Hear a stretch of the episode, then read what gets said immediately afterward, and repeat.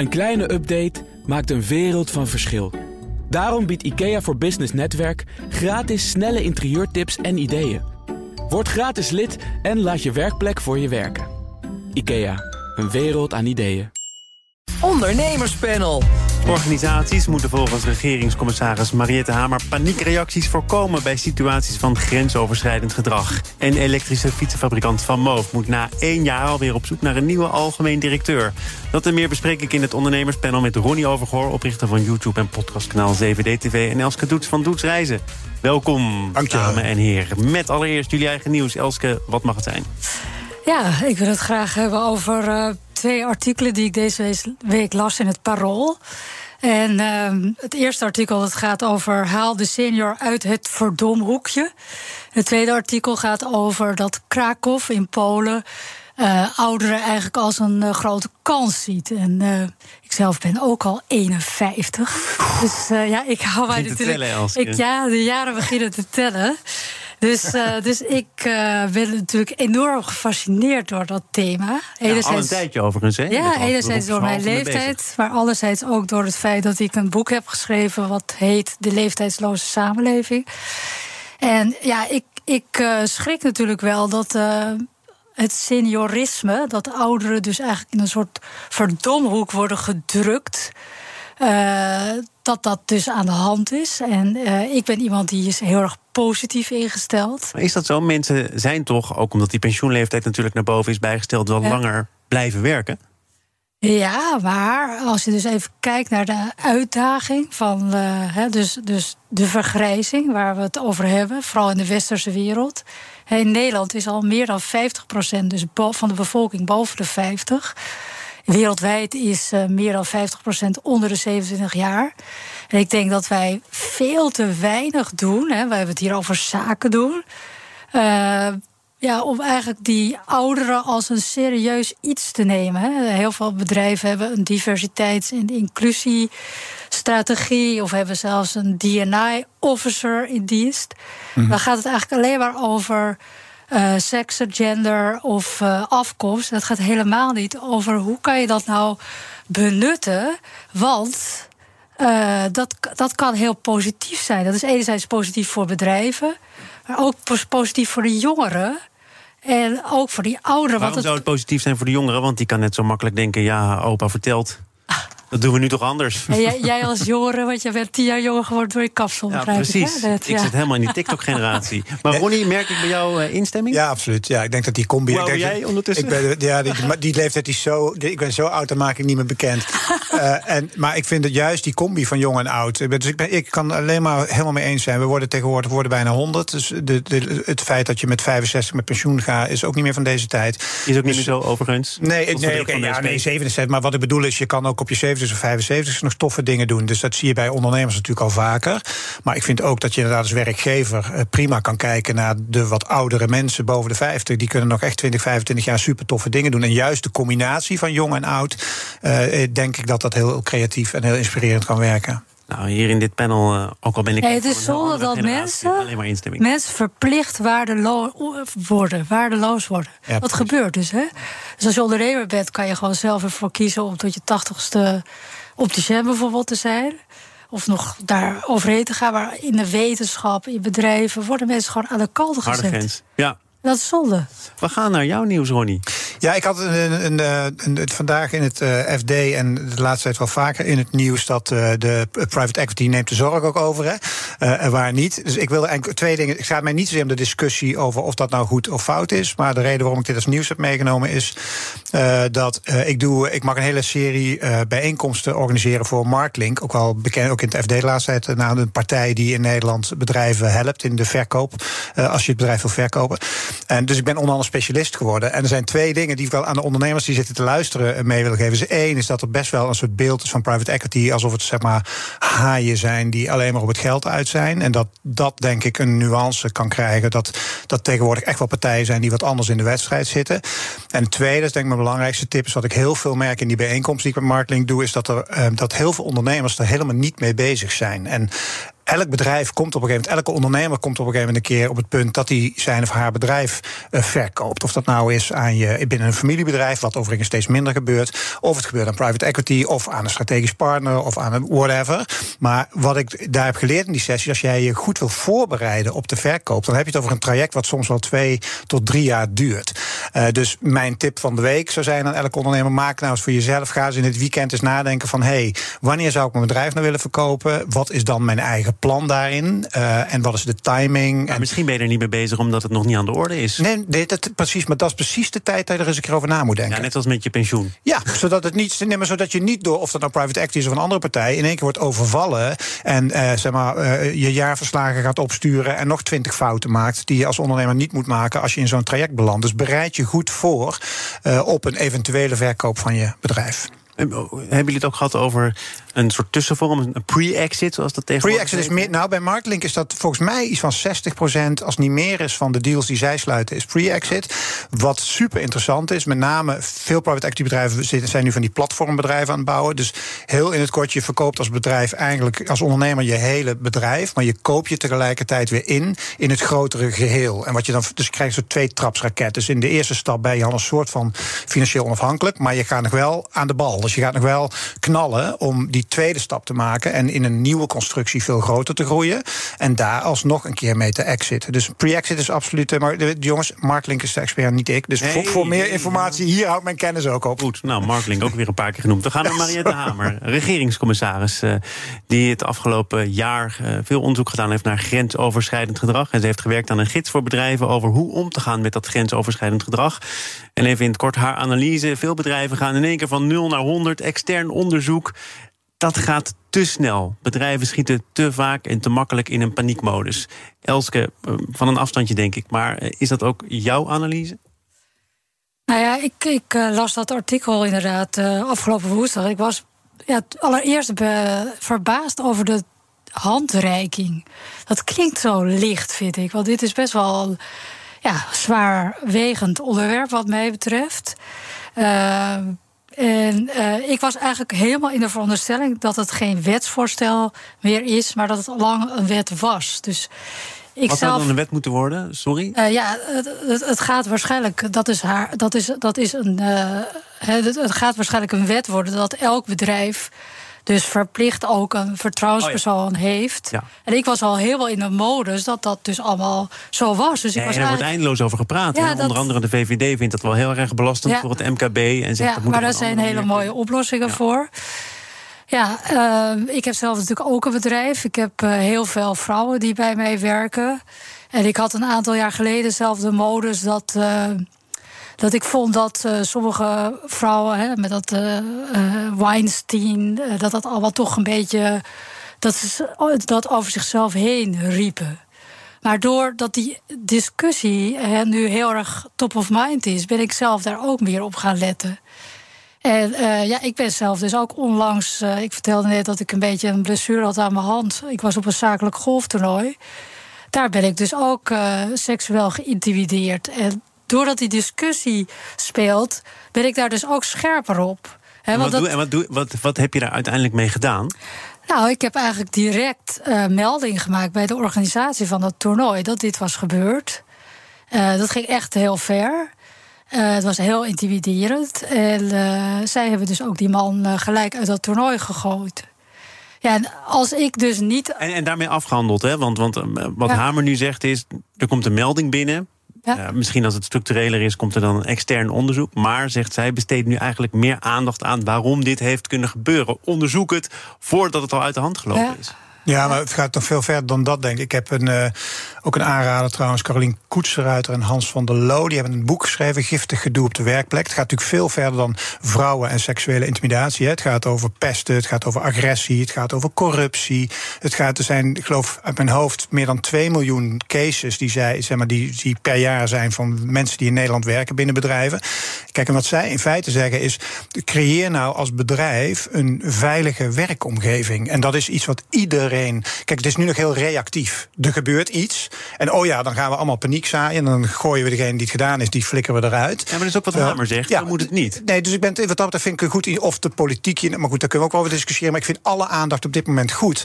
Want het is echt iets uh, waar, waar we, Er is een soort mismatch gaande in werk in Nederland. Waarbij, we, waarbij het systeem gewoon niet meer goed werkt. Dus je moet als bedrijf uh, nieuwe afspraken gaan maken. Maar, maar Rory, ik wil even reageren. Want jij zegt: creëer nou een veilige werksfeer. Als ik dus lees dat één op de twee mensen hiermee te maken heeft. Ja dan is dat een utopie om dat te denken. Nee, dan is het geen utopie om dat te denken. Dan is het een, een constatering dat dat nu nog totaal niet aan de orde is. Dus dat er nog heel veel onveilige omgevingen zijn. En dat het ook heel erg verborgen is. Dus uh, zij noemen een heel mooi voorbeeld van een ziekenhuis. Ook zo'n plek waar heel veel dingen gebeuren. 24 uur diensten, uh, hiërarchies, chirurgen, noem allemaal maar op. Is een ziekenhuis, ik weet niet meer de naam van het ziekenhuis. Die zijn met z'n allen, de hele team, chirurgen, verpleegkundigen, hebben al een sms en WhatsApp-verkeer van de afgelopen twee jaar hebben ze geanalyseerd op basis van dit thema kwamen er allemaal achter dat er heel veel shit in zat. Seksueel, racistisch, noem het maar op. Die hebben dat allemaal schoongemaakt en met z'n allen afspraken gemaakt vanuit die hele organisatie om dit gewoon met z'n allen niet meer te doen. Snap je? Dus het gaat iedereen aan. En ik denk dat het voor... gewoon niet meer te doen. Nou ja, Zo makkelijk is het blijkbaar. Nee, maar we, we, het, het is wel een, een nieuw uitgangspunt waarbij het gewoon een feit is dat heel veel uh, werknemers zich onveilig voelen en geïntimideerd worden, op welk vlak dan ook. Maar goed, ik ben dus niet zo voorstander altijd van regels. Hè?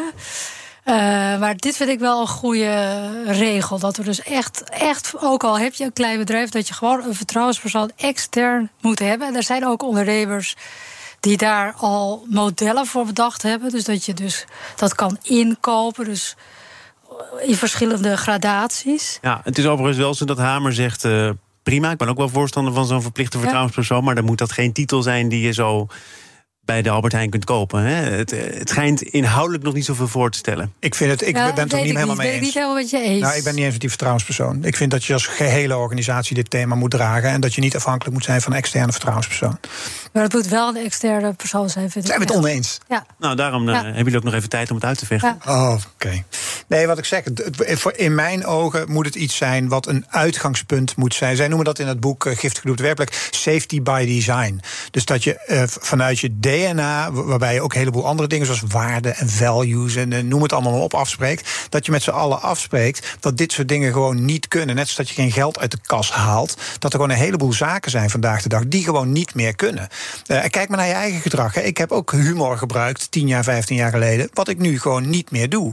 Dus de tijden veranderen. Dus het is wel tijd om dat met z'n allen gewoon... om, om ja, nieuwe afspraken maar waarom zou er geen uh, scheidsrechter kunnen zijn in de vorm van zo'n Ik zeg niet dat die er niet mag zijn. Dus ik bedoel, voor mij is het misschien wel en-en. Maar ik vind dat de primaire verantwoordelijkheid... bij de organisatie en bij de mensen zelf ligt... en niet bij een externe vertrouwenspersoon.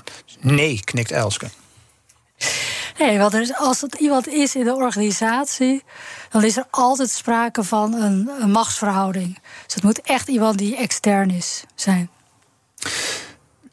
De, het, ja en nee. Wat, eh, wat die auteurs ook. toch wel een beetje nee, nee, nee, nee, ik wil, ik wil meelaten. Kijk, wat zij wel zeggen, en dat, daar heb je een punt in zoverre. Wat echt ook een heel groot probleem is, dat melden vaak grote risico's hebben. In heel veel gevallen is de melder de klos. Hè? Dus er wordt gemeld binnen een organisatie. En uiteindelijk blijkt door onderzoek dat heel veel van de melders uiteindelijk uh, een andere functie krijgen. Of zelfs verdwijnen. Of, dus je wordt ja, bijna. Gillian Tans, we zijn zover. Andere functies. Maar dat gaat over uh, slachtoffers. Ga je nou in één keer zo ja. erheen breken? Wat ben je nou? Eerst ons uit uitdagen om het gesprek door. Wat is het voor een eikel Jullie komen er niet uit. Jongen, jongen. BNR Nieuwsradio. Zaken doen.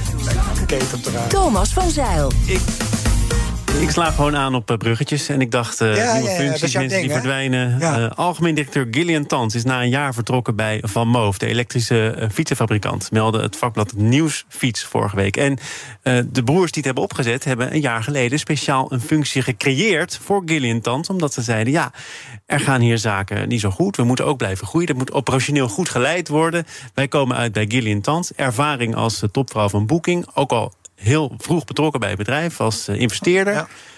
Na een jaar komt er een einde aan deze samenwerking. Omdat zij, uh, staat in het persbericht, graag andere dingen wil gaan doen. Ja, Ronnie, wat denk je ervan?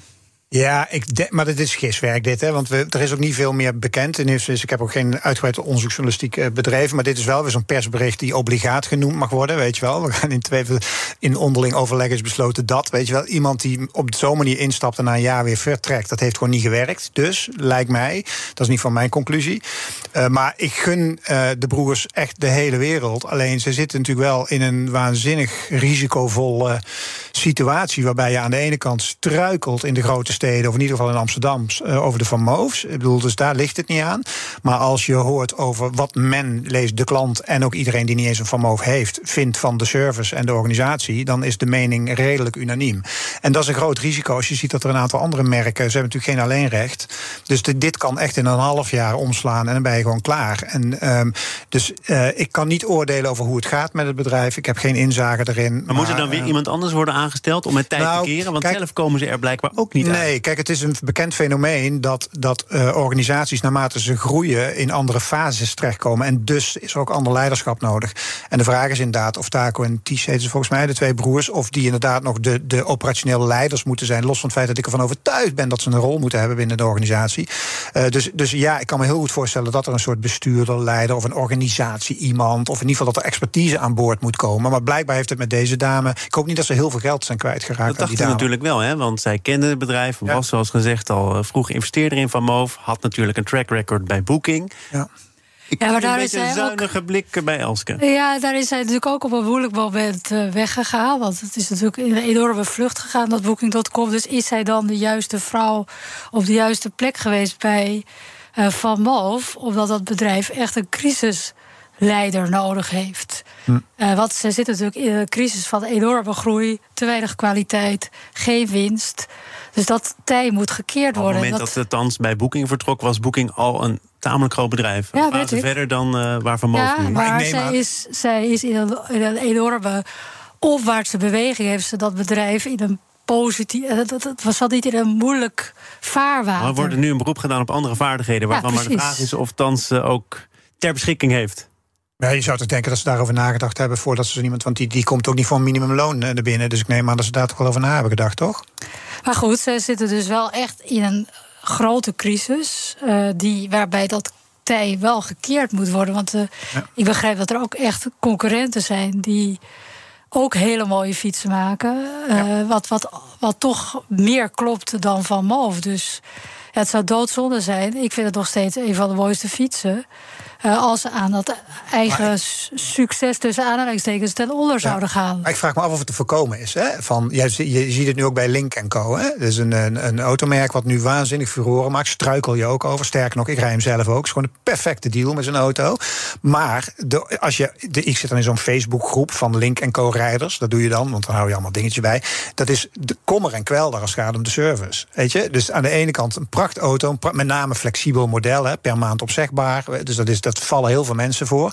Maar als je dan kijkt, die, die in hun eigen succes nu, kunnen ze de organisatie niet aan. Uh, en dat is ook, ook zo'n organisatie die denkt van ja, weet je, dat is best tricky. Want er hoeft maar één Koreaan of Chinees om de hoek te komen met hetzelfde model. Maar die heeft zijn organisatie op orde. En pom, ja, het mensen al, stappen zo over. Want volgens mij moest er vorig jaar ook geld worden opgehaald bij investeerders. Omdat er anders, zoals ze zelf naar buiten brachten, twijfel zou kunnen ontstaan over het vermogen van Van Moof om zijn activiteiten ja. na het eerste kwartaal van dit jaar voor te zetten. Ja. En het FD heeft er wel eens een sommetje op losgelaten. Iedere fiets die nu verkocht wordt, kost onderaan de streep geld. Dus ja. dan moet die fiets hij moet gewoon duurder worden, ja. ja maar ja, dat is, dat, het, en ze hebben al een imago dat geen goedkoop fietsje is. dus, ja. Wat volgens mij niet, ja. niet, alleen imago is, toch? Nee, het is best een duur fietsje. Dus ja, uh, ja best, maar wat ik me dus afvraag is of het, uh, on, of het kan voorkomen. Als jij iets wat zo succesvol is neerzet... en het groeit zo hard... of je het voor elkaar kan krijgen om die organisatie... zeg maar, op een natuurlijke manier uh, mee te laten gooien. Dat lijkt me ook een heel lastig ding.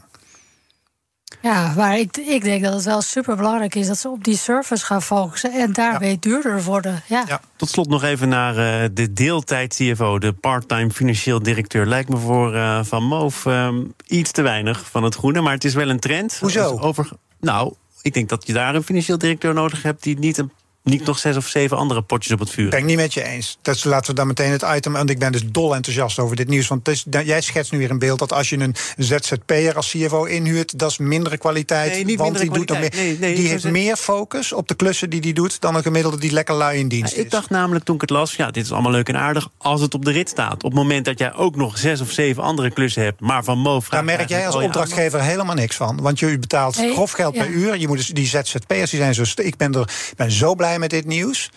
Leven de ZZP'er. Ik denk ook dat je heel veel ervaring uit je andere banen die je hebt, hè, dus je andere klussen, dat je die kan gebruiken bij de klus waar het dan eh, bijvoorbeeld heel erg wringt. Ja. En als jij dus op een soort automatische piloot eh, gewoon eh, dat doet, eh, dan is dat ook veel moeilijker om dat verschil te gaan maken. Maar ik snap wel dat die wijde blik eh, een voordeel biedt. Ik Ja. vraag me alleen af, op momenten dat het moeilijk is, of je er nog bij kunt hebben dat je ook nog je aandacht op andere zaken moet vestigen. Nee, maar dat is dus iets wat je van tevoren afspreekt. Kijk, als ik als ZZP'er eh, een aantal klussen aanneem... en er komt een hele zware klus voorbij... Dan, dan als ik die aanneem, kan ik hem aan. En dan is het vanaf dat moment is het dus geen punt meer. Wat ik eerder wil zeggen is dat het, de constructie die je met ZZP'ers hebt... is veel meer bepaald op eh, ik betaal en jij levert. En daar spreken we het volgende over af. Terwijl een, iemand die in vaste dienst is... die krijgt zijn salaris of haar salaris.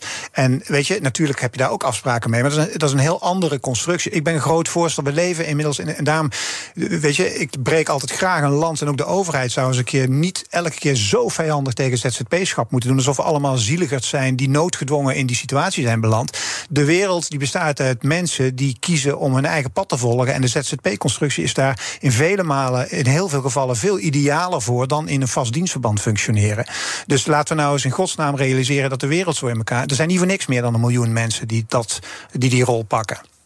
Elske? Gaat toch niet zeggen Ja. dat jullie het nu ineens eens zijn met elkaar? Het zal me vies tegenvallen. nee hoor. Nou ja, ik ben natuurlijk ondernemer en ik doe ook eigenlijk vijf verschillende dingen. Niet als ZZP'er. Eh waar, eh, ik heb ook vijf banen die ik allemaal door elkaar doe. Ja.